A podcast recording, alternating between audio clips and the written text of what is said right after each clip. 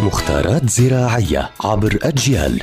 نتعرف في كل حلقة على سر من أسرار عالم الزراعة وفلاحة الأرض مع المهندس الزراعي مجدي عبد الله يعطيكم ألف عافية. أهلا بكل متابعي ومتابعات أجيال عبر منصاتها المختلفة.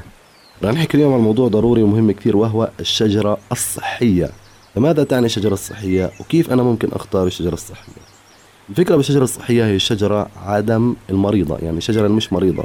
فأنا دائما في أو لما أخذ شجرة من مشتل معين دائما أقلب الورقة بمعنى أنه أفحص أوراقها هل عليها بقع هل عليها حشرات أطلع على الورقة من تحت لأنه غالبا الإصابة الفطرية أو الإصابة الحشرية بكون خلف الورقة. يعني على الورقة من تحت أو أسفل الورقة لأنه الحشرات دائما بتيجي على الرطوبة بتيجي على الدفا فبفحص الورقة جيدا.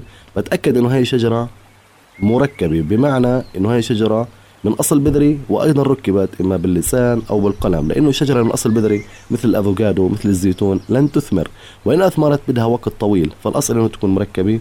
فهي مواصفات الشجرة الصحية إنه ما تكون مريضة أوراقها ما يكون عليها بقع ما يكون عليها حشرات وتكون مركبة أيضا وأيضا تختار من شخص متخصص يعني مش من أي واحد يعطيك نبتة. لأنه أنت كغير مختص ما راح تعرف شو مواصفات النبتة الصحية.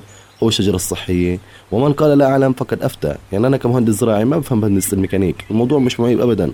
فدائما نلجأ لأهل الاختصاص. دائما نختار الشجرة الصحية أو النبات الصحي القوي الخالي من الأمراض سواء كانت الفطرية أو الحشرية. هذا هو موضوعنا اليوم. إن شاء الله يا رب تكونوا استفدتوا ويعطيكم ألف عافية.